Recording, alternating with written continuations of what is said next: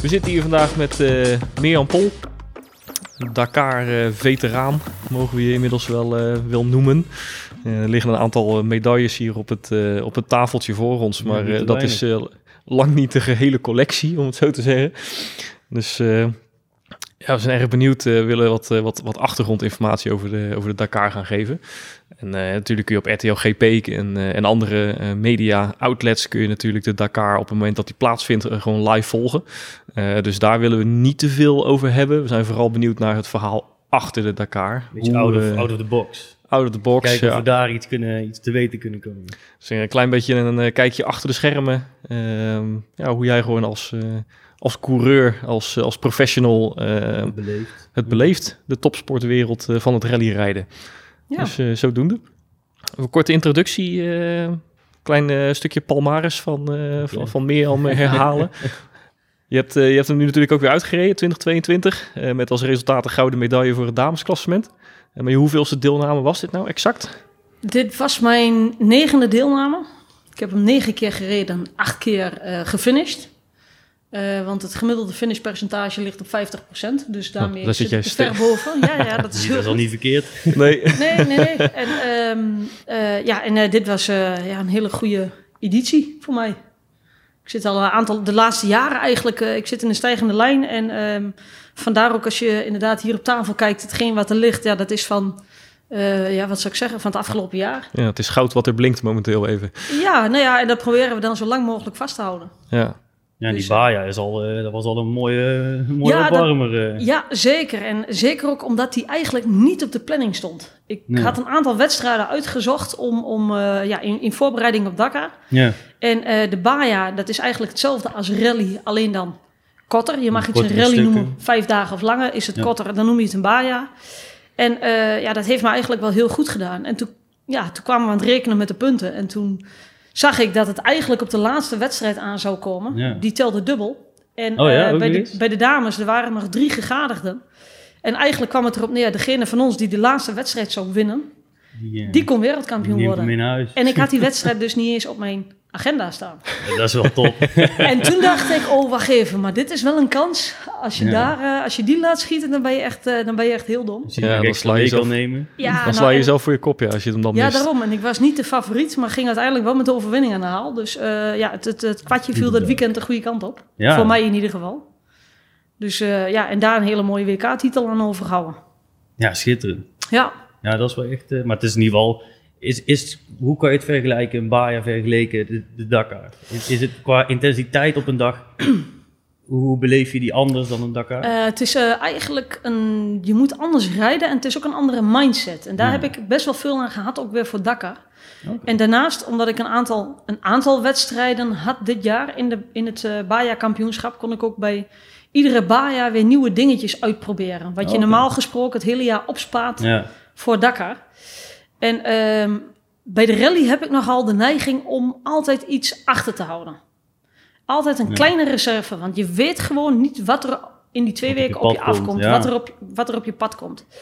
En in de Baja is het eigenlijk gewoon zo, je hebt maar twee of drie dagen. Je staat s ochtends aan de start en je moet gewoon alles eruit knallen. Ja. En um, nou, dat, dat, dat, ook dat bleek ik te kunnen. En dat pakte goed uit. En eigenlijk ben ik dus ook nu deze Dakar zo aan de stad gaan staan. Gewoon ja. iedere ochtend Maximaal erin. Maximaal erin, want uh, ik ben fysiek gewoon goed in orde. Ik hou het wel vol die twee weken. En ook al plak je er een week achteraan, dan nog kan ik het. Tja.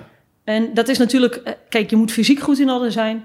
Uh, je moet natuurlijk mentaal goed in orde zijn. Ik heb ervaring. Um, dus ja, het is, het is een optelsom bij elkaar. En hetgeen wat je niet zelf in de hand hebt, je hebt altijd nog een heel klein stukje geluk ook nodig. Ja, dat hebben we ook wel gezien bij de andere deelnemers volgens mij. Ja, meestal, meestal, zie je vooral dat ze ook wel eens pech hebben. Ja, zo. ja, ja nou dat, ja. goed. En uh, dat overkomt ook, ook... Kijk, iedereen heeft een keer geluk, iedereen heeft een keer pech. En um, tuurlijk, uh, ik zeg altijd van 90, 95 procent heb je het zelf in de hand. Het, het ja. hangt samen met een goede voorbereiding, goed materiaal, een goed team, nou ja, enzovoorts. Maar je komt maar net een heuveltje over. Uh, je rijdt met twee man achter elkaar. En ik rijd 10 centimeter naar links, daar waar geen steen ligt. En degene voor mij rijdt 10 centimeter nee. verder naar rechts. En die klapt vol op een kei. Ja. Ja. Het kan. En dat staat niet in het roodboek. Daar Nee. krijg je geen waarschuwing eh, eh, van of voor. Dus ehm, Als nou, ze dat dat, is allemaal het moeten laatste beschrijven. beetje wat je, waar je geluk mee moet hebben. ja. Als ze dat allemaal moeten beschrijven, daar ligt Ja. de steen, daar ligt de steen. Ja. Maar het is inderdaad dus eh, het navigeren aan zich is bij de Dakar natuurlijk veel, veel belangrijker dan bij de baan. Ja, ja, absoluut. Want bij de Baja, wat ze ook heel veel doen, is eh, lintjes ophangen, pijltjes zetten. Ja. Eh, Hm. Moet ik zeggen, bij sommige, ik heb één Baja gehad, daar waren ze zo goed met de pijlen dat die, zeg maar, normaal, zet- normaal zet je hem 100, 200 meter voor de bocht. Zij zetten pijltje in de bocht en dan ook van een formaat dat je denkt, nou, als je hem überhaupt ziet, doe je het, als je het bordje ziet, doe je het je al goed, zeg laat. maar. Dan zie je nog niet of de pijl naar links of naar rechts wijst. Dan ben je eigenlijk altijd te laat. Ja, dus eh, het, het, en de, maar het nadeel daarvan is, de gevaren geven ze ook zo aan. Oké. En die moet je natuurlijk voor het gevaar zetten, Ja. 100, 200 meter. Ja, dan kun je er nog, hè, dan kun je nog kijken van kunnen we er actie ondernemen. En niet van, hé, hey, ik zie een botje en je ligt er al af. Ja. Dus, eh, en, en ja goed, dat is met iedere wedstrijd. Elk land heeft weer een andere organisatie. Iedereen interpreteert het weer op een andere manier. En dat is altijd eigenlijk het eerste jaar wanneer je aan een evenement meedoet. Of dat nou een baja of een rally is. Is altijd uitzoeken. eh, hoe zien ze het hier? En vorig jaar heb ik, eh, of het jaar daarvoor heb ik een rally gereden in Polen. De Breslau Rally. ja. En daar zag ik bijvoorbeeld in het roodboek een, ehm een eh, doodshoofdje. Ik denk, eh, Voorspelt heel goed. ja. En eh, ik denk, joh, we moeten we oppassen, hè? onderweg piraten of... Maar dat zijn dus dingen, ja, dat zijn dus dingen die... ehm, ja, de- bij hun had het te maken met een bruggetje, maar dat was dan een hele gevaarlijke brug, gewoon twee houten planken. Oh, Dus je kunt er ook nog gewoon in het midden gewoon compleet tussen rijden, zeg maar. Ja, de hoofdhoofd is niet, niet op zijn plek. Nee. maar goed, eh, ja, daar bedoelden ze dus inderdaad mee. Hè? Eh, je moet water oversteken en dan... Dus ja, goed, eh, dat is dus met elke wedstrijd.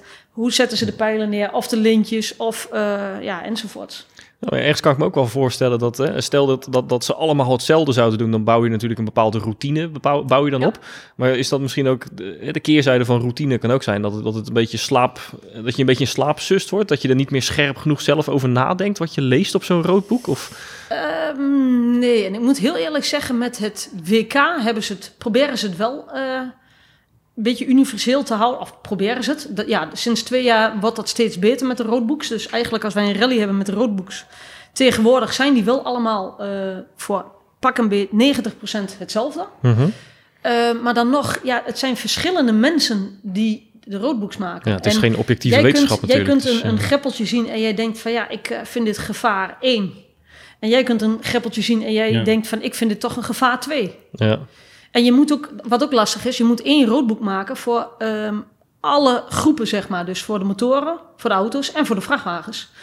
Maar er zijn ook greppeltjes waar wij gewoon, ja joh, die merken we niet eens op. Ja, waar, Waar, waar een vrachtwagen misschien zijn hele eh, onderraad onderuit rijdt. ja, ja. Kijk, en dan moet je allemaal op een bepaalde manier weten aan te geven. Dus, ehm, maar goed, rij je iets wat geen WK is, ja, dan hebben ze weer eigen roadbooks en Eén andere, één grote verrassing. één grote verrassing. Ja. En, Ja. Maar rallyrijden, met name rallyrijden, en eh, dat blijft toch, hoe dan ook, altijd eh, de cross-country rallies blijven rallies op zicht. Dus officieel staat er gewoon in de papieren, als je iets niet kunt zien, is je eigen verantwoordelijkheid, Ja, ja. moet je remmen. Ja, ja, Het is nog steeds wel natuurlijk ook dus, dus letterlijk de sport van, van die kant, zeg maar. Is- ja. Als zo'n roodboek alles voor zou kouwen, dan Ja, zit er geen... kan je beter op Assen gaan rijden. Dan, eh, dan weet je waar je heen moet en dan eh, weet je waar je tegenkomt. Ja, Ja. Ja, ja dat is dan Ja, wel weer de en, en, en ze kunnen ook niet alles aangeven. Kijk, wat je heel Nee. vaak ook ziet, bijvoorbeeld in de woestijn. Wat ze doen is, eh, je hebt, eh, weet ik veel wat, eh, zoveel kilometer over vrij snel terrein gereden. vrij snel zanderig terrein. En je komt in één keer weer een langzamer stuk binnen met een gigantische afstap bijvoorbeeld. Die eerste zetten ze dan in het roodboek. Dus je Ja. weet gewoon, hey, ik heb twee, drie kilometer snel gereden. Ho, even, even weer alert, want ja, ik moet flink Je zit er helemaal in en dan... ja, je zit er helemaal in en eh, ik moet van het gas af. Nou, dan heb je die afstap. En dan weet je ook, want je kunt het lezen. Je kunt het, tenminste, ik kan het terrein lezen. Je kijkt voor je en denkt, oh ja, wacht even. Nu krijgen we er meer. Ja. Dus eh, dat is eigenlijk Dat is ook, ook een wel manier heel belangrijk hoor. Dat je echt, dat, in Heel een Dakar, belangrijk. als je het terrein kan lezen, dan denk ik dat je de helft al, al Nou, op een achterstand kan zetten. Want ik merk het zeg maar op de weg ook. ik, ik let op de, op de paaltjes, op de bomen, hoe die in de bocht staan. Ja. Soms is het ook een onderbuikgevoel bijna. Hè? Ja. Dat je het, eh, Ja. Maar je ziet dat daar ook zat gasten echt flink de mis mee gaan. Ik kan me nog herinneren, volgens mij Dakar 2020, dat een van de, een van de jongens die echt voor de, voor, de, voor de knikkers meedeed, helemaal voorin, zeg maar. Iemand van KTM of Honda toen de tijd. Ja, die, die, die was bijna bij de finish en die dacht van we zijn er bijna, we zijn er bijna. Vol gas op die lolly en die vliegt op een gegeven moment toch een afstap af. Die springt gewoon 40 meter ver en die breekt heel de boel af. Ja. Eh, Ja, foutjes ook zo gemaakt natuurlijk. Ja, eh, ik denk dat ik weet waar je het over hebt. Dan is het al een paar jaar ervoor. En dat was inderdaad de allerlaatste dag. En dat was Ja. gelijk al binnen, ik denk, eh, nou, vier, vijf kilometer. Ehm, maar het was alles of niks. Hij stond tweeders.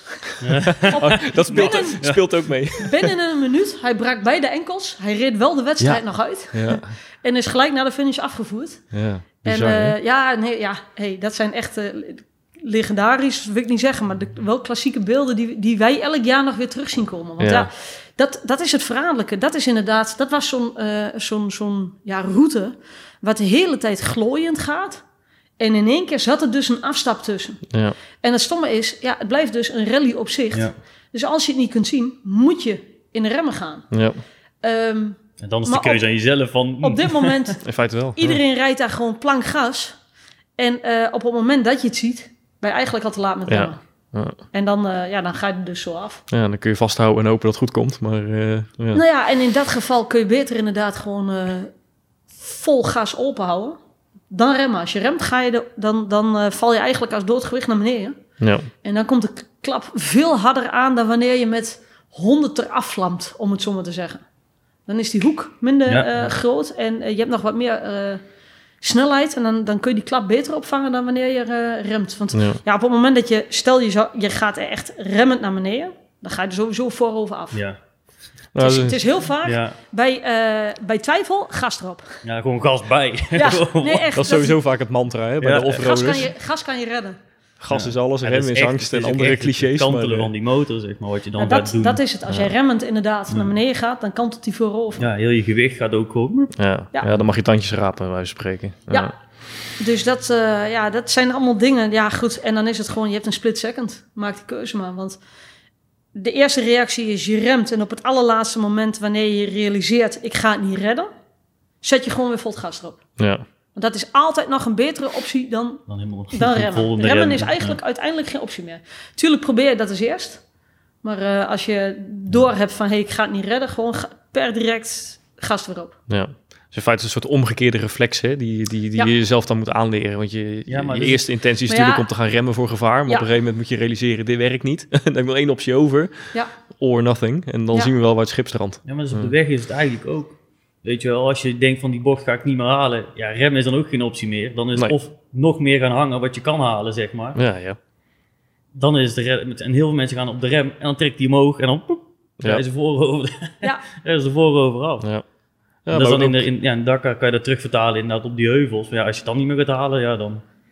Ja, maar ook met, ook met het, het, het, noem het maar, het, het, eh, het, het hobbymatig offroaden enduro-ritjes en zo. Ehm, ja, dat is iets wat ik mezelf ook wel nog steeds moet, moet aanleren met offroaden. Dat als je een plas ziet, dat je denkt van, oh shit, ik zie hem eigenlijk te laat. In plaats van dat je vol in de remmen gaat of Ja. een of andere rare stuurbeweging doet om hem te ontwijken. Gas erop, waarschijnlijk rolt hij er wel overheen ja, of doorheen. Heel goed. En natuurlijk, kijk, we hebben het er hier nu over. Hè, ja, gas erop.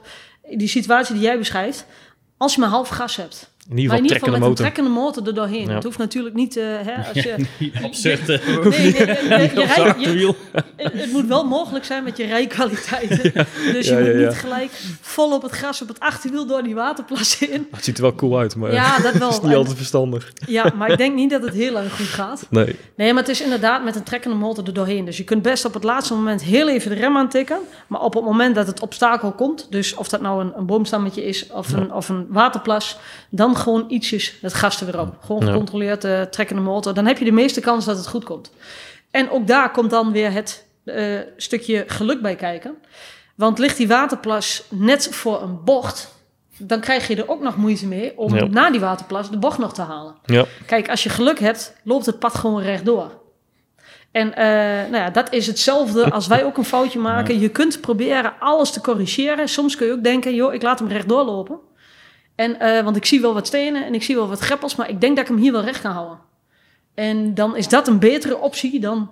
Want heel veel, uh, met, dat, ja, dat is met motorrijden natuurlijk, dat zit ingebakken. En je wilt altijd proberen op je pad te blijven. Ja. Soms kun je hem veel beter um, recht door de berm in laten lopen en uit laten rollen. Net zoals wat veel MotoGP-rijders wel eens doen met een grindbak. Ja. Kijk, je kunt per se willen proberen de bocht te halen, maar je remt hem onderuit. Ja. Ja. Soms laten ze hem gewoon recht door de grindbak inlopen en zie je ze gewoon langzaam een hele grote bocht proberen te maken om weer terug te komen op het circuit. Ja, nou ja dat werkt bij ons. Uh, en die zijn eigenlijk... niet, niet ondiep, zeg maar, die grindbakken. Nee, die zijn echt. Die zijn Daar zijn echt, ze ook vol flink hoor. Ja. dan wil je zeggen, die kan je gewoon, zeg maar, als je dan afstapt en ja, ik zet hem hier neer, dan kan je gewoon weglopen. Die zijn zo diep, die, die blijven wel recht staan. Nou, ja. ja, nou goed, en dat doen wij met de duinen. Als wij voor de straat staan en, uh, en we, staan in, ja, we staan in het zand en, en je hebt geen steentje om onder je standaard te leggen. Nou, dan uh, hou je de voorrem even in.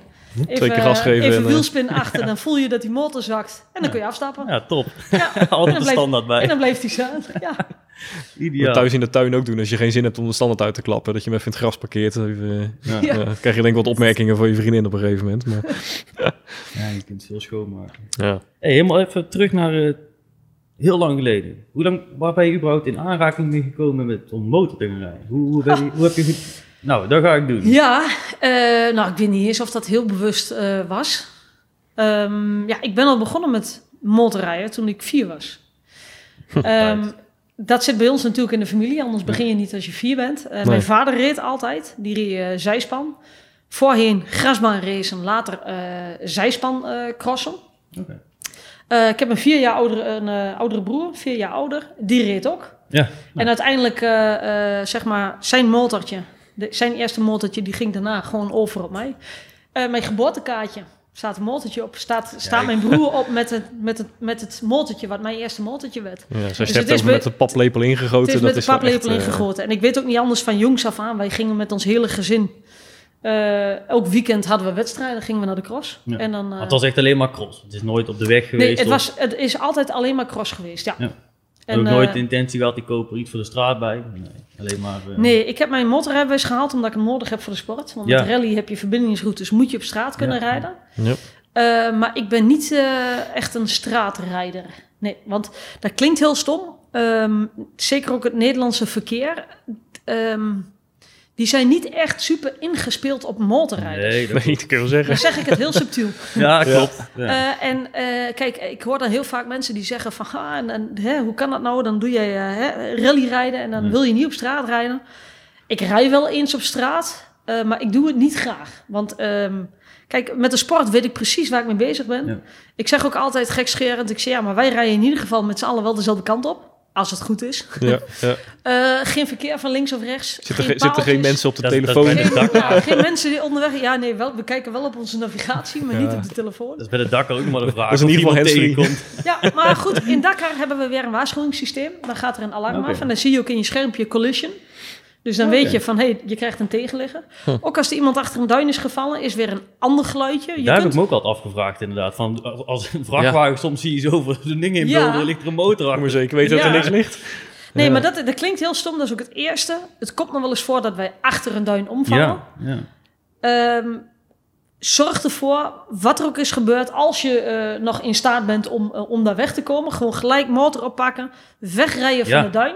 En dan ga je maar even op het vlakke eh op kijken wat de schade is. En, Ja, eh, kijken wat de ja. schade is, wat drinken eventueel. En, eh, Maar niet denken van ik blijf hier achter de. Nee. Gewoon gelijk starten en maken dat je wegkomt.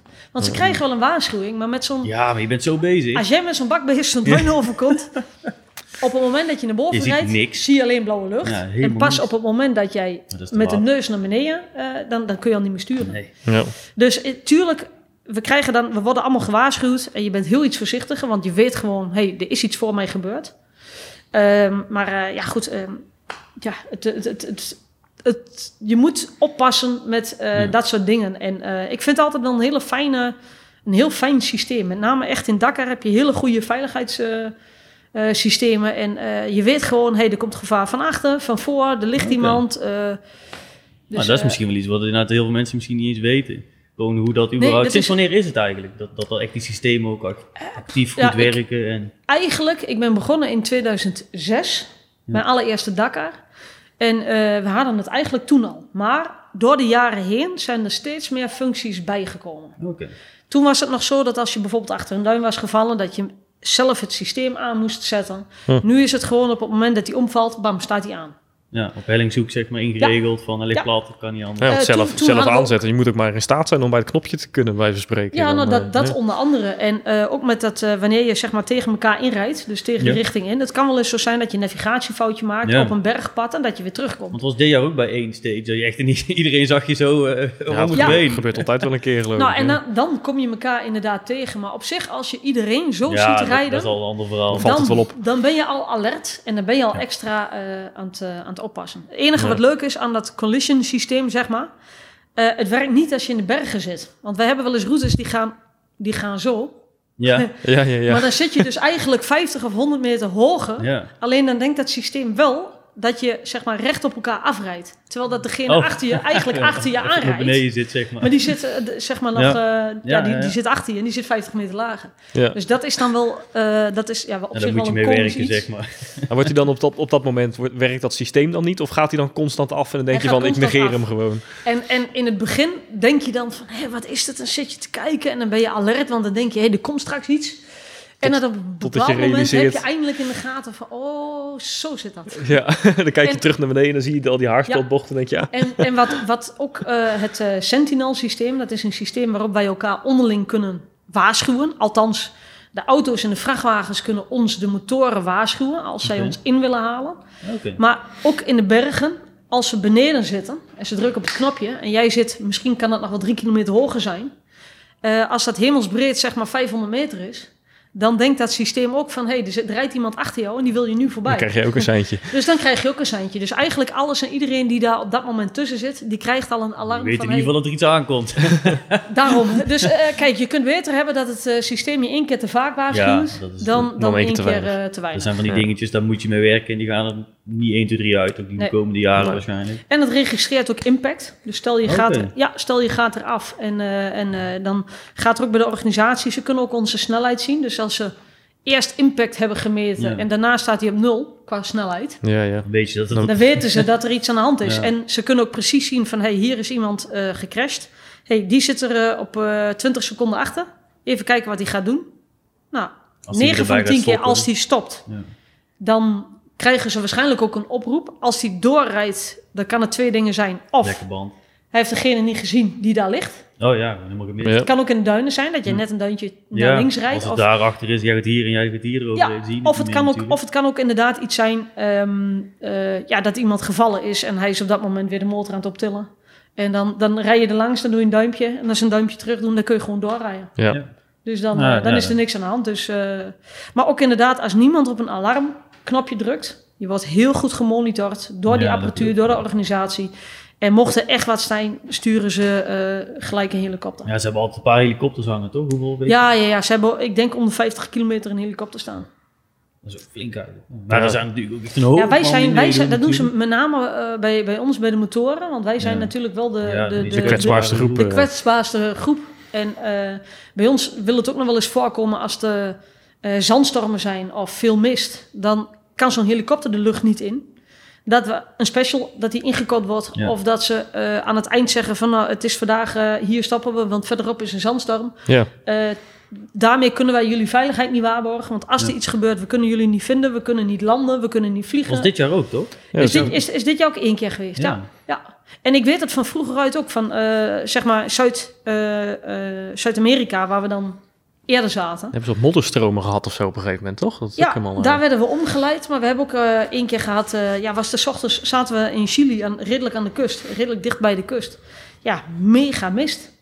Dan wordt er gewoon niet gestart. Ja. Dan zitten we gewoon twee uur met z'n allen aan de start. Je- Totdat er eindelijk een seintje komt van ja, we gaan starten. Ja. Maar dan hebben ze het volgende probleem, want ze willen wel graag de meeste motorrijders in ieder geval voor het donker binnen hebben. Ja, ja. ja. Dus dan gaan ze of kijken, is het nog haalbaar? Of ze proberen hem onderweg nog ergens. Ze sturen ons gewoon de wedstrijd in. En dan gaan ze kijken Ja, van nou, iets misschien kunnen we bij het laatste checkpoint hè, eh, nog 50 kilometer of 100 kilometer eraf halen. Ja, om, om iedereen wel te laten binnenkomen. zeg te laten Een beetje op binnenkomen, tijd. zeg maar. Ja, Ja. want dit, deze etappe of deze editie is er volgens mij één etappe halverwege helemaal afgelast vanwege een zandstorm. Maar er was er ook Ja. nog eentje ingekort. Daar ging 100 kilometer vanaf of zo. En ook Nee, regen. die was, maar, die was maar 101 kilometer. En dat was namelijk een dag later. En dat had met wat anders te maken. En dat was niet heel erg slim, moet ik eerlijk zeggen, van de organisatie. Ehm, wat ze hadden gedaan, zeg maar onze dag, uh, moet ik even heel goed nadenken. Onze dag 5.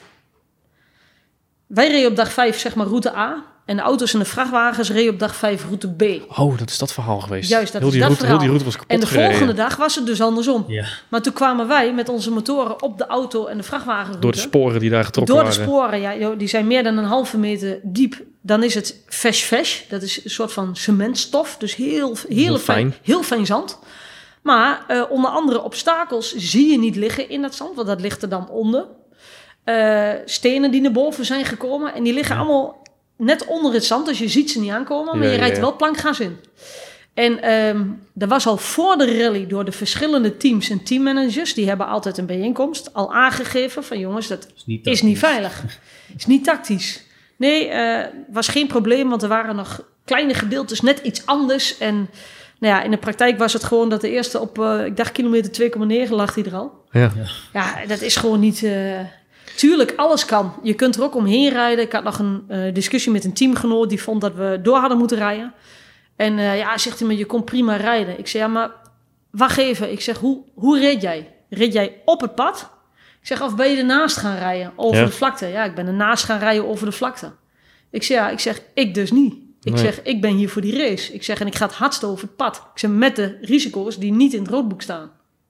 Nee, want natuurlijk, nee, je bent je Kijk. bewust van het feit dat er bepaalde risico's zijn. Maar het Ja. moet, er is een bepaalde grens tot waar je kunt gaan en, en, dat het dan verantwoord is, is. de, ja, dan is de discussie van ja, maar ja, dan, hè, ik ga ernaast rijden, want dat is veiliger. Ja, Ja, maar jij wilt gewoon overkomen. Ik, ik rij hier voor, voor competitie. ja, En ik weet gewoon, als ik ernaast ga rijden, ben ik langzamer. ja. En degene voor mij rijdt er ook niet. ja, of misschien zelfs dat je er dusdanig ver naast moet rijden om het veilig te houden. Dat je misschien bepaalde waypoints, die, dat je die Ja, gaat nou ja, missen. goed, of, dat- of dat, dat het roodboek niet meer klopt en dat je verdwaald Nou, dat, raakt. is, of- dat is dan wel weer een, een risico als je ernaast gaat rijden. Kijk, die waypoints uiteindelijk, eh, die, eh, daar kun je alert op zijn. Die staan aangegeven in het roodboek. Dus je kunt best even terug naar het pad, waypoint pakken en weer verder. Hm.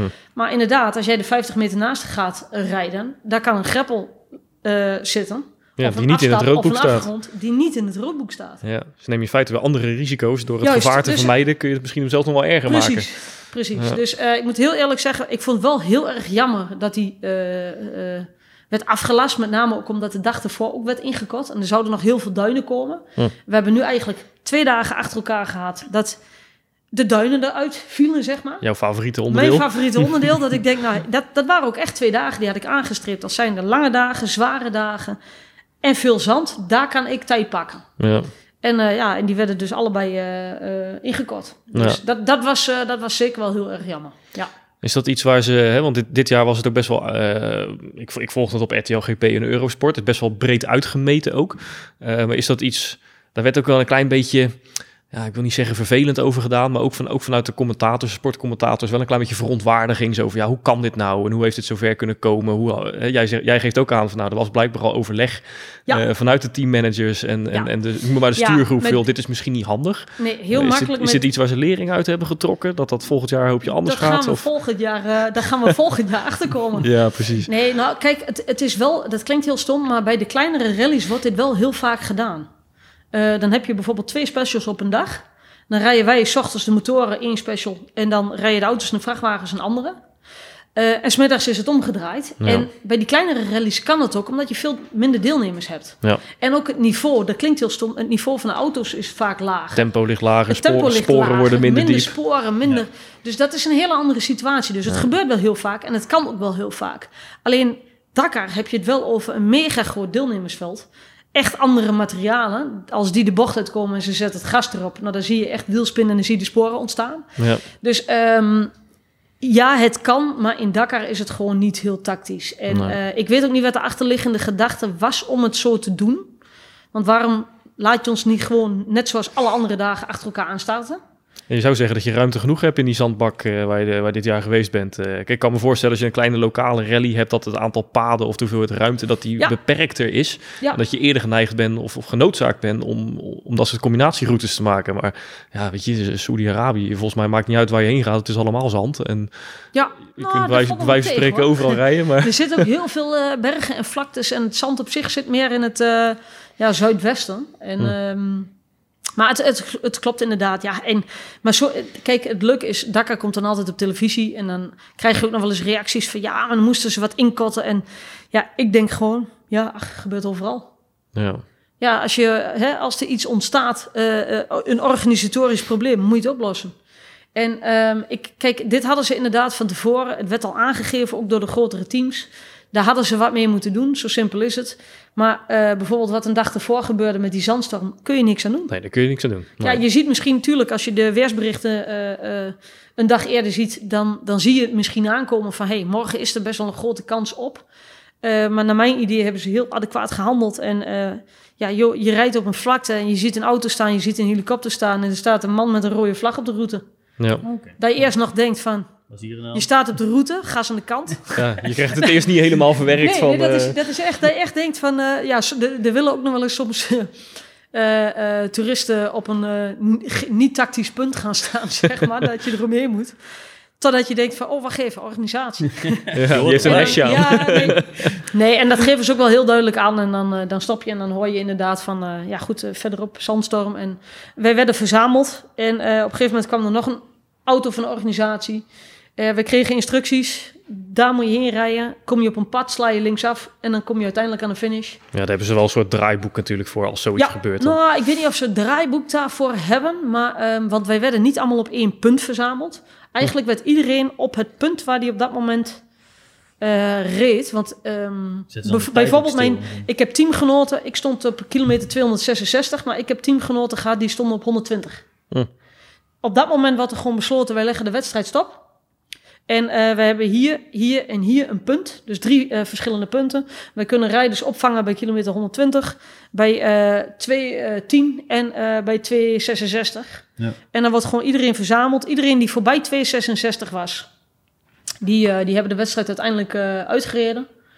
En um, ja, goed, en dan moeten ze s'avonds maar weer uitpuzzelen hoe het nou zit met de stadtijden enzovoorts. Of Ja. met de, uh, Lijkt me de- sowieso een, een heel gepuzzel soms van dan stil, iedereen op een ander punt. Hoe ga je dat met de tijden in het klassement Ja, doen? en zeg met maar? tijden teruggeven als je een collega geholpen hebt, zeg Ja. maar. Ja, Eh, heel ook- veel. eh, Ook dat met, met, Tijdwaarneming dank, is met dank aan dat veiligheidssysteem kunnen ze dat perfect zien. Ja. Als ik stop bij een ongeval, kijk, het moet natuurlijk ook wel eerlijk blijven. En als, ik, dat, als je stopt bij een ongeval, ehm, dat mag niet ten koste gaan van jouw tijd. nee. En, eh, en ook niet van diegene en- daar. Dus, en ieder ja. weldenkend mens, of het nou in het... Kijk, het staat ook nog officieel in het reglement dat je verplicht bent te stoppen. Maar eh, ik ken denk ik geen mensen die niet zouden stoppen. Niet Dus- mag hopen van niet ieder Nee, dat, dat mag ik... Nou, precies dat. Dus, ehm, dus je stopt hoe dan ook. Als jij ergens iets ziet, dan stop je. Dan ga je kijken, lukt het? eh, heb je hulp nodig? Enzovoort. Totdat je denkt van, oké... hij kan in ieder geval een soort van antwoorden en recht uit zijn ogen kijken. En dan, eh, dan, dan kun je weer verder. Maar dat is een inschatting die je, Ja. dan, eh, eh, die je dan gewoon maakt. En ehm, op het moment dat je dan weer besluit verder te rijden, druk je één keer op een groen knopje, zit bij ons op stuur. Dan hebben ze in ieder geval een eikpunt. Dan kunnen ze Oh ja. zien hoe lang je stil hebt gestaan. En op het moment dat je het bivak inkomt, eh, geef je dat gewoon aan. En dan zeg je van, joh, wil je mijn GPS uitlezen? Want ik heb Duiken onderweg iemand eh, geholpen. Ik heb op het groene knopje gedrukt.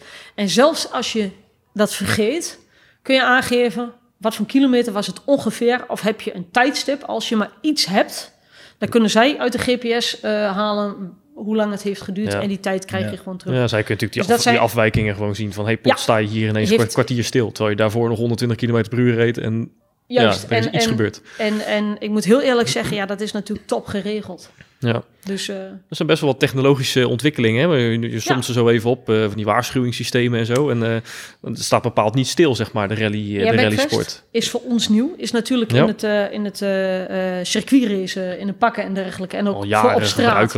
Al jaren eh, eh, normaal. Ja. Ja. Dat was het bij ons nog niet. Nee, En- En eh, sterker nog, dit is het eh, tweede jaar dat het verplicht is. Ehm, en eh, ze zijn natuurlijk ook nog steeds met de, met de data bezig, met de technologie, om eh, hè, zoveel mogelijk data eh, binnen te krijgen. Eh, want ja, de, met name ook bijvoorbeeld de fabrieksrijders, die maken tijdens het rijden wel eens klappen dat ehm, het vest gewoon explodeert zonder dat ze eraf gaan. Ja, omdat die klappen natuurlijk, het is Die heel anders. Ja. Er Ja. komen veel meer andere krachten op bij Ja, een, een Dakar dus- of een rally dan bij een wegsport. dus, Want daar kan ja. je het veel makkelijker op, op afstellen, zeg maar. Ja, ze Ja. hebben ook eh, twee versies eh, in principe. Kijk, als je ehm, eh, mijn airbag vest, Daar kun je een module voor afsluiten. Dat heet dan Adventure. Dat is dan voor rallyrijders. Ja. En, eh, want dat gaat weer niet samen met andere off-road sporten, zoals trial of motocross of eh, nou ja, eh, Ja. enduro. Dat, je kunt hem dan alleen voor rally gebruiken. En de eerste keer dat mijn vest afging, dat was in de eerste week. Ik viel een keer achter een duin. Nou, niet spectaculair, maar hij plofte. S'avonds komt er gelijk iemand, bij binnenkomst moet je aangeven, is je vest afgegaan of niet. Dan komt er s'avonds iemand langs van het desbetreffende merk. En die, die vraagt dan ook gewoon van, hey, was het terecht? Moest die afgaan? Moest die niet afgaan? Ze, Oh ja, lezen, hem, ze lezen hem uit. En toen was eigenlijk de conclusie... ehm, ik zei van ja, ik kan me voorstellen dat hè, de echte amateur het fijn had gevonden dat het vest was afgegaan. Ik zeg maar, ik vond het eigenlijk onnodig. Ik zeg, want zo hard ging het niet. Het, Ja. Je gaat er gewoon in de duinen af en toe op die manier af.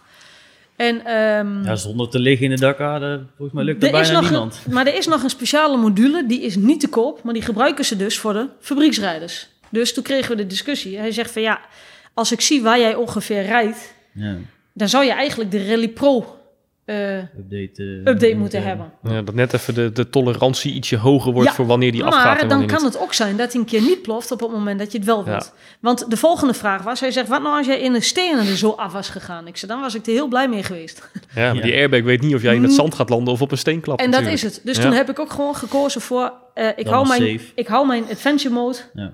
En eh, dan moet hij maar een keer te vaak afgaan. Maar dat heb ik eh, veel liever dan als, die, als je hem echt een keer nodig hebt en hij gaat niet af. Ja, want is het ook zo, hè? Want je neemt dan natuurlijk eh, een x-aantal van die, van, die, van die cartridges neem je mee om hem weer, weer aan te vullen. Maar is het ook zo dat als jouw airbag is afgegaan en je moet hem eh, op de etappe eventjes eh, eh, opnieuw aanvullen, dat je die tijd dan ook terugkrijgt? Want Nee, en dan kom je dus op het volgende. Ja, officieel moeten wij stoppen. ja. Ik heb zo'n cartridge Ja. bij me. Ik heb hem in mijn geval onder het buddy zit zitten. Ehm, dan moet je in mijn Mhm. geval je camelback af, je jas uit, je shirt uit, je vest uit. Ja, ja. Nou, dan ga je de cartridge vervangen. Dan doe je alles weer aan. En dan, dat kost tijd. Dus Ja. wat doen wij? Wij rijden Je gewoon net zo hard door zonder dat hij nog een keer kan eh, Ja. knallen, om het zo maar te zeggen. Maar wat ze wel heel goed hebben, in principe kun je bij elke stempelpost staat iemand die heeft van alle merken alle cartridges bij zich. Oké. En bij de tankstop ook. We hebben vijf minuten extra eh, tegenwoordig. Vroeger hadden wij een kwartier om te tanken. Nu hebben we twintig minuten. Je komt aan, eh, je zegt gewoon, je herkent de mensen van de organisatie wel die dat doen. Ja. Je, je steekt je hand een keer op en je, je, doet een- je wijst een keer naar jezelf. Zo Weten van, hey, genoeg? Ik, eh, komt er eentje aan, je gaat gewoon met je handen omhoog staan. En zij, eh, zij eh, vervangen zo de cartridge. en kijk. kant klaar en je kunt zo weer verder. Ja, dat is echt wel, ja. echt wel goed geregeld, goed over nagedacht. En, ehm, Maar dan begrijp ik ook de logica, hè? Want die, want, wa- waarom een... eh, als je zegt van, joh, je moet eigenlijk stoppen om je cartridge te vervangen, dan snap ik ook dat die pro-rijders, die fabrieksrijders, dat die zeggen van, nou, ik heb liever dat hij niet afgaat, want dat kost me theoretisch gezien tijd om hem te vervangen. ja, Eh, ja, dat is ook tijd waarmee je de rally kan Maar verliezen. da- ja, dat, ja, dat gaan ze toch niet doen. En dat gaat niemand doen.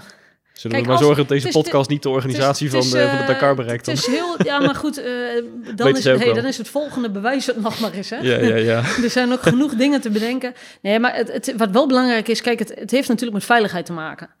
En ehm, als die één keer geknald is, dan kun je voor jezelf de keuze maken. ehm, ga ik, het, eh, ga ik mijn, mijn rijden erop aanpassen? Stel je weet gewoon, hey, over 50 kilometer is de tankstop. ja. Kun je Ehm, ook zeggen, ik ga even op drie kwart van me kunnen rijden, zeg maar. Bijvoorbeeld, kijk, en dan, dan nog steeds bespaar je meer tijd dan als jij daar gewoon zeker 10 minuten, een kwartier, wil jij je eigen Ja. eh, cartridge vervangen wat je daarmee kwijt bent. Ja. En het is niet zo dat je geen bescherming meer hebt.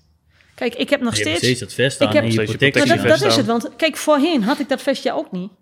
Dus het is eigenlijk, rij ik dan nog steeds met de Ja. bescherming die ik Ja, want in zo'n airbag voorgaande vest, jaren heb, heb gehad. Ik heb Ja. een supergoeie eh rugprotector. die zit in eh, dat airbag vest in dit Zit geval. in het airbagvest. De voorkant heb ik ook bescherming in zitten. Ja. Ik heb elleboogbeschermers, Ja. ik heb eh eh kniebrezen, ik heb... Nekbrace om.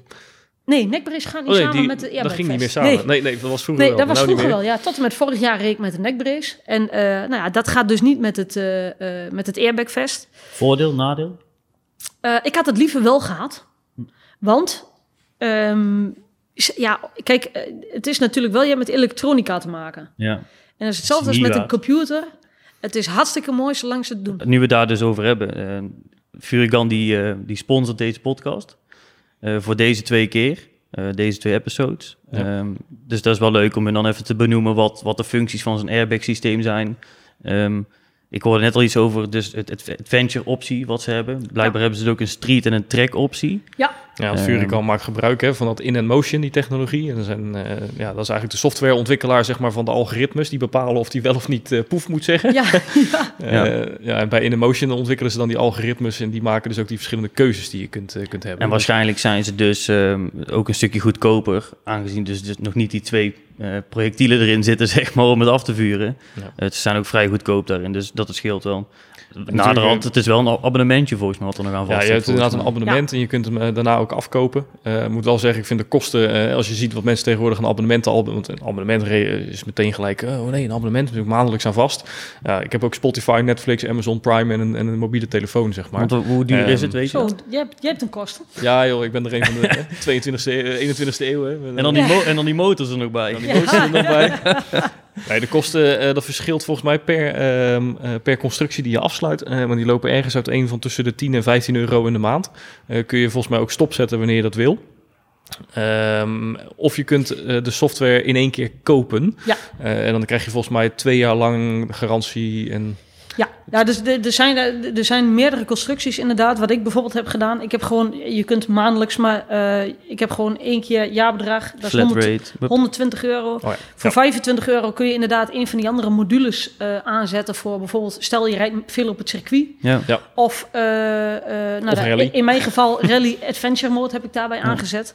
Stel je raakt geblesseerd of je denkt veel in de wintermaanden rij ik niet en je doet bijvoorbeeld een maandelijkse optie, elke maand uh, 10, 12 euro of 15 euro. Ja. Uh, dan kun je ook gewoon zeggen van, uh, nou, de wintermaanden, het oktober, het weer wat slechter, ik ga zet, nou toch zet, niet rijden. Zet hem stop. Ik zet hem stop voor een half jaar. Ja, okay. Dat kun je één keer in het jaar doen. De winterverzekering. Dus, ja, nou, in feite ja, eigenlijk, eigenlijk wel. Maar ja, het is wel, ik bedoel, het is wel weer een half jaar, of, of in ieder geval misschien een paar maanden wel of geen kosten. Ja. Dus daar zijn best wel veel opties inderdaad in. En ik heb ook, wanneer je van abonnementsvorm, normaal zou ik zeggen, ik ben van, ik ben van de koop. Hè, wat ik koop is van mij, uh, ja. kan niemand meer over zeuren. Maar in dit geval, het voordeel van een abonnementvorm is... alle updates worden ook automatisch doorgevoerd. Ja. Dus okay. als ik hem weer thuis een keer aan de lading leg... en hij heeft weer contact met internet en er is een update... Hup, zet hij zo weer een nieuw algoritme erin of uh, ik, noem maar iets. Ja. En volgens mij ook als je de abonnementsvorm hebt... dan stel je zou zo raar ten val komen... dat de controlemodule die in de backprotector zit beschadigd ja, raakt... dan mij... wordt die kosteloos vergoed en anders moet je die zelf aanschaffen. Dus de abonnementsvorm heeft ook wel een paar voordelen. Ja. Um, ja, kijk, jij bent en het is inderdaad uh, volgens mij na drie jaar of zo, dan heb je drie jaar betaald en dan precies. is die van jou. Dan is en die dan, sowieso uh, jou. ja, zoiets. Ja, op die ja. manier. Maar het is natuurlijk een, uh, in die zin, kijk, wij bij Groenburger verkopen veiligheidsproducten. Dus in die zin, een airbag is natuurlijk een, een ja. vrij recente ontwikkeling binnen de markt. Maar goed, het is niet voor niets verplicht in de racerij op, de, op het asfalt, in de MotoGP en de Superbike. Het wordt nou verplicht in de rally. Ja. Uh, het is niet verplicht voor op straat. Nee, maar weet maar je, wat, de tegenhang, de tegenhang daarvan...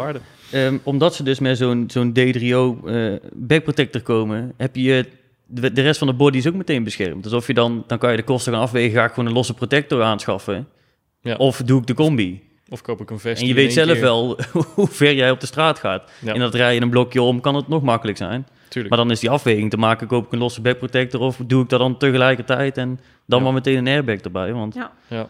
Het is ja, de afweging en, voor jezelf hoor. Ja, en het, het, ik bedoel, zoals bij mij ook in de wedstrijdsport, heel makkelijk techniek en veiligheid niet op besparen. Nee. nee. Kijk, ik was er eerst best nog wel heel eventjes sceptisch over voordat ik hem geprobeerd had. Het is toch in... iets nieuws natuurlijk, hè? Dus nou, dat is het. En, en de, uh, er is bij ons nog gewoon niet heel veel data. Tuurlijk, ze zijn al wel jaar, anderhalf jaar ja. echt ja, de data GP's aan het rijden verzamelen. natuurlijk ook al super lang met die, met die dingetjes rond. Maar... Ja, maar die hebben natuurlijk ook al, uh, ik wou zeggen, honderdduizend uren aan, ja. aan data. En dat is in de rally heb je wat dat betreft helemaal geen data. Je, nee, je voelt je een beetje proefkonijn misschien?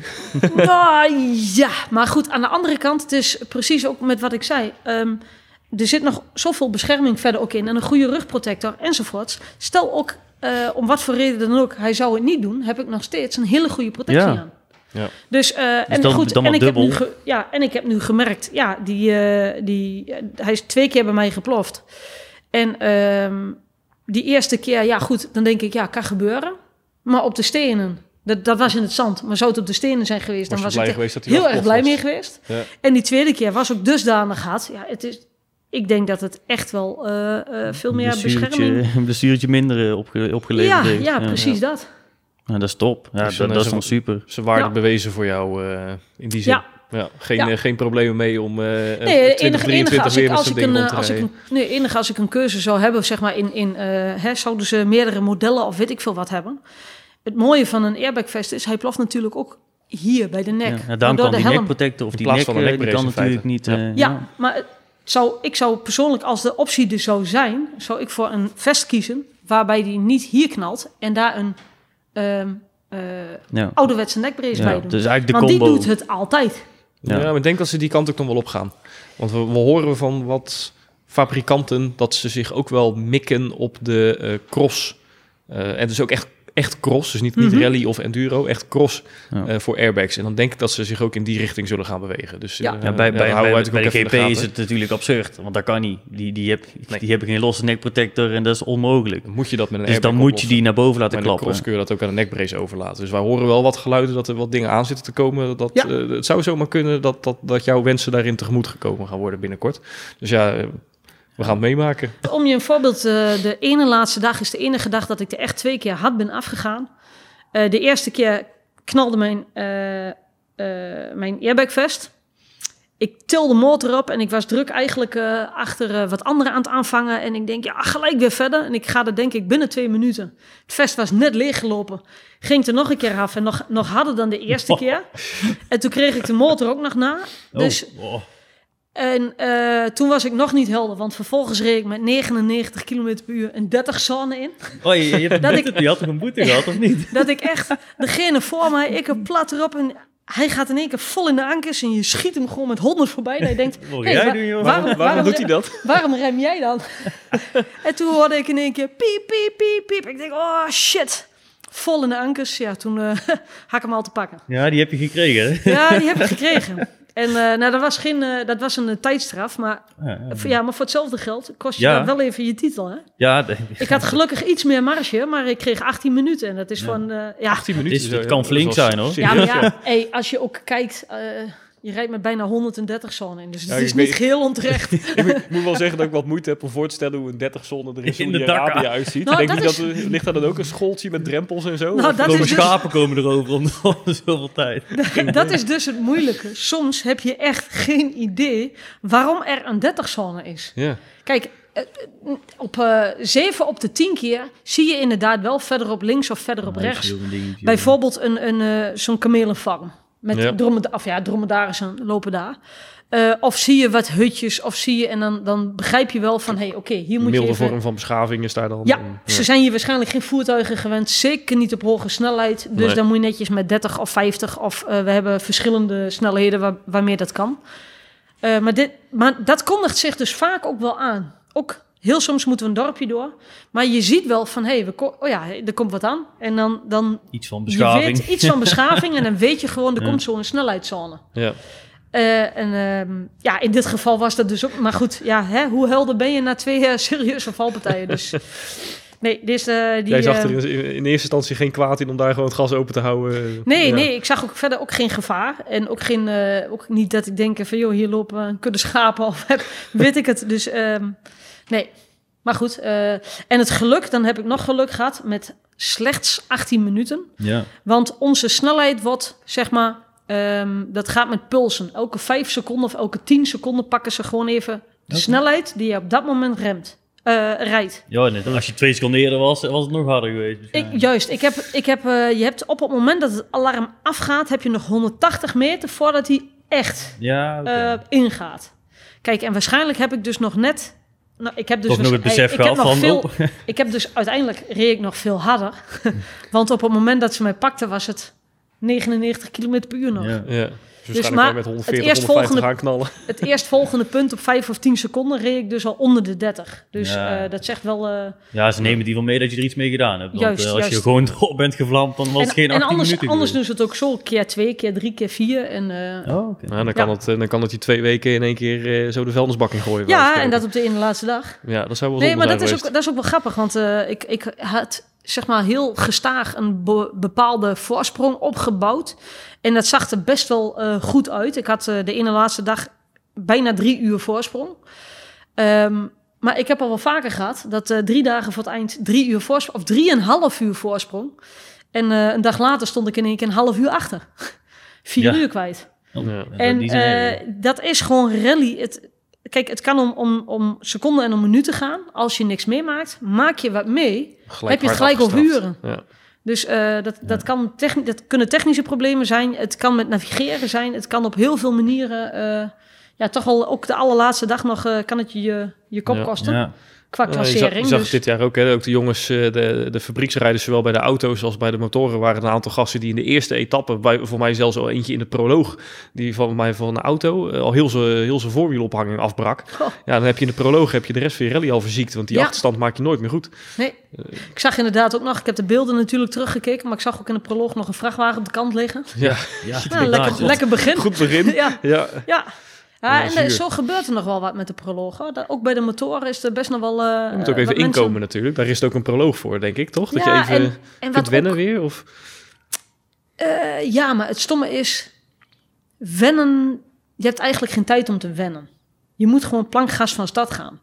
Want die proloog bepaalt wel jouw, eigenlijk jouw startpositie voor, de, dag, voor de eerste echte etappe. Ja. En als jij dan wat verder naar voren zit, 9 van de 10 keer heb jij dan ook weer rijders om je heen van een iets hogere kwaliteit. Waar je, zelf waar je misschien aan kunt optrekken. En, uh, dus het is wel een heel belangrijk iets. En voor het, heel veel van ons geldt gewoon.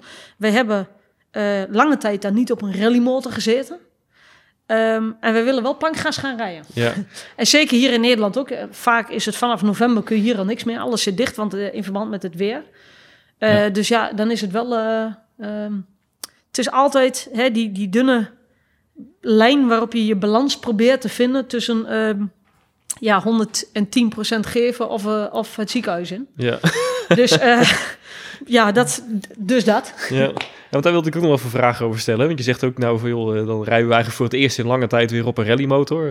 tenzij je ook Rally Marokko. Uh, ja, er zijn nog wel andere rallies waar je echt aan mee kunt doen natuurlijk. Maar ja, bijvoorbeeld de Breslau rally was, was voor mij op een enduro, toch? Jij hebt op een Husqvarna 350 daaraan meegedaan. Nee, de Breslau uh, was wel, zou wel beter zijn. Uh, de Breslau is eigenlijk een rally waar je beter met een enduro motor kunt rijden. Mm -hmm. maar ik heb daar juist wel toen gekozen voor de rally motor. Het is ook een beetje afhankelijk van, dat klinkt heel stom. Het is ook een beetje afhankelijk van wat heb ik op dat moment. Kijk, het, het is niet zo dat ik uh, vijf motoren in een schuur heb staan. Um, en ook nu, ik heb alleen een crossmotor. Ik heb geen enduro motor. Die wat wel handig zou zijn voor de baja's en voor de wedstrijden die ik dit jaar wil gaan rijden. Dus ik ben nu ook, de materialen zijn uh, uh, net teruggekomen uit, uit Dakar. Um, ik wil graag de rallymotor zo snel mogelijk verkopen en daar een enduromotor voor terugkopen. Oh ja, oké. Dus het is niet alleen uh, dat ik een keuze maak van... Uh, hey, voor deze wedstrijd is die motor het beste. Want uh, ja, als ik die niet heb, dan, dan kijk ik naar wat ik wel heb. Ja, je hebt toch een setje wielen nodig uiteindelijk. Dus. Nou ja, dus dat, ja, juist, dus dat is het. Ja. En, um, maar er zijn inderdaad, de Baja-wedstrijden bijvoorbeeld... Kun je, kan ook met beide motoren. Maar je bent gewoon sneller met een enduromotor. Ja. Breslau Rally, 100% zeker dat ik sneller zou zijn met een enduromotor. Maar ja, aan de andere kant, het zijn ook weer extra vlieguren met een rallymotor. Ja, en zo vaak heb ik die mogelijkheid ook niet. Want dat is eigenlijk apart, hè? Want uh, als jij geeft nou aan voor, uh, eigenlijk is een enduro voor het, voor het Baja-kampioenschap eigenlijk fijner. Ja. Uh, maar de Dakar heeft natuurlijk een, een heel strak eisenpakket waar een motorfiets aan moet voldoen. Het moet ja. een 4,5 zijn. Uh, vroeger deden er ook nog 96 of maximaal 4,5. Ja. Vroeger deden er ook nog 96 en uh, zelfs nog Super Tenere 57 zo weet ik het wat mee. Maar dat is ja. steeds kleiner geworden. Maar uh, kijk, je hebt natuurlijk een, een x-aantal liters benzine nodig om de afstanden te kunnen overbruggen. Ja. Daarom heb je een rallymotor nodig. Maar is er nog veel meer nodig? Nou, je mag ook gewoon met een enduro meedoen. Als, okay. jij, als jij maar een reach hebt van 250 kilometer minimaal. Ja, okay. plus, plus 10 procent. Mm -hmm. Dus zeg maar 275. Um, als je een keer fout rijdt. Dus eh, je mag met. Er zijn ook wel rijders die rijden met een omgebouwde enduro. Die hangen er gewoon een grotere tank op voor. Ja, twee aan de zijkant gewoon erbij twee achter, Ja, één of twee uh, achter. En uh, daar, mag je, daar mag je in principe mee rijden. Alleen voor rally is het gewoon wel zo. Um, het, zeker in Dakar, het is heel fijn als de motor, zoals wij dat dan gewoon zeggen, hufterproof is. En een rallymotor is dat. Waar zitten die belangrijkste verschillen dan in? Want ik vind een enduro voor mijn beleving vanuit de straatmotorfietsen gewend zijn ook ja. al vrij ja, ja, ja, dat kan ik me voorstellen. Um, wij krijgen hem wel kapot, om het zo maar te zeggen. ja, dat zal. nee, ja, waar zit het grootste verschil in? Uh, het is allemaal net wat steviger, wat robuuster. Het frame is iets anders. Um, dikker, ja, stevige velgen, dikkere spaken. Um, de vering is natuurlijk ook sterker voor dat... Voor het extra gewicht voor, de ja, en, en je, hebt, je haalt gewoon met zo'n rallymotor hogere snelheid dan met een enduromotor. En is er ook in het motorblok dingen anders, vertanding of zo in de versnellingsbak? Of? Ja, kun je ook niet vergelijken. Blok is ook heel anders, want het is gewoon voor veel hogere snelheden gemaakt. Hm. En, um, maar het is ook, je merkt gewoon, ik zeg wel eens, je moet hem in de versnelling schoppen of trappen. Ja, je hoort echt gewoon, je hoort gewoon klak. Ja. En nou, dat heb je met een enduro echt niet. Die kun je gewoon koppelen zonder, of die kun je schakelen zonder koppeling. En dat is allemaal veel verfijnder. Boterzacht en ja. Het voordeel, eh, kijk, het is dus uh, allemaal wat lomper, maar het gaat ook niet stuk. Even afkloppen, maar... Ja, dat is niet wel de bedoeling. denken ze bij Yamaha, de denken ze daar anders over. Maar, uh. Ja, maar goed, kijk, die, die, die, die proberen dat natuurlijk ook weer alle fabrieksteams op het randje. Tuurlijk. Die zitten op het randje om er het maximale uit te halen. Bij de motoren waar wij mee rijden, dus de gewone productiemotoren, wat, wat iedereen kan kopen. Uh, ze willen natuurlijk het laatste wat de merken willen, is dat er slechte reclame uit voortkomt. Dus onze motoren zijn gewoon echt hartstikke goed. Um, en er worden ook nog wel wat aanpassingen aan gedaan, ook door mijn team. Om te zorgen dat uh, op het moment dat ze de motor krijgen, wordt die helemaal gestript, wordt die helemaal opnieuw opgebouwd. Sommige kabeltjes worden anders neergelegd, sommige dingen worden versterkt, verstevigd enzovoorts. Allemaal ervaring al uit het verleden. Ja, ja, dat is zeker belangrijk. Het zou lullig zijn als je door een klein kabeltje zeg maar eh, meteen een nou, dag mist of een uur of en dat maar zoeken. En een ander voordeel om met een rallymotor te gaan rijden is, uh, wij rijden bijna allemaal hetzelfde. Ik denk dat ongeveer 70, 80 procent van het deelnemersveld op dezelfde motor rijdt. Hm. Ehm, dus heb je een keer een, uh, problemen met een uh, benzineinjector of weet ik veel wat... en je hebt hem al verbruikt of je hebt hem niet bij je... hele grote kans dat binnen de eerste vijf die je aanhoudt... dat iemand zo'n dingetje bij zich heeft. Ja, precies. In ieder geval... allemaal die Husqvarna en KTM 450 die, uh, die rondrijden. En die delen het blok in feite weer grotendeels, geloof ik. Dus, ja. nou ja, sterker nog, niet grotendeels. Ja, in, in de cross en in de enduro zijn er kleine verschillen... maar in de rally is het gewoon Identiek. 100% identiek. is alleen kuipwerk er staat alleen, Juist, er staat alleen uh, het dekseltje aan de zijkant, daar staat iets anders op. En, uh, dus, maar je kunt één op één kunt blok zo uh, overpakken van een ander merk, zeg ja. Dit was hem dan, de eerste aflevering van de Pitstraat. In de volgende aflevering hebben we nog een deel met Mirjam Pol. Het gaat onder andere over dit. Weet je, zijn het, hè? je had het over productiemotoren die iedereen gewoon kan kopen. Uh, ik ben nog nooit een, uh, een, een, motordealer ingelopen waar op dat moment een Fonkel nieuwe rallymotor te koop staat. Nee, uh, hoe, hoe, hoe, kom je aan zo'n ding? Want ze zijn vaak ook gelimiteerde oplagers. Er worden er niet al te veel van gemaakt. Ze staan er ook niet. En over dit. Wat doe jij verder qua, qua, qua, qua sport, qua fysieke uh, fitness uh, die je probeert uh, bij te houden gedurende het jaar? Want je zegt net van ja, ik ben teammanager, financieel ja. directeur, maar ondertussen ben je ook nog gewoon topsporter. af en toe niet vergeten dat ik ook nog moet sporten. Ja. Druk op het plusje of abonneer om een melding te krijgen van de volgende aflevering. Tot dan.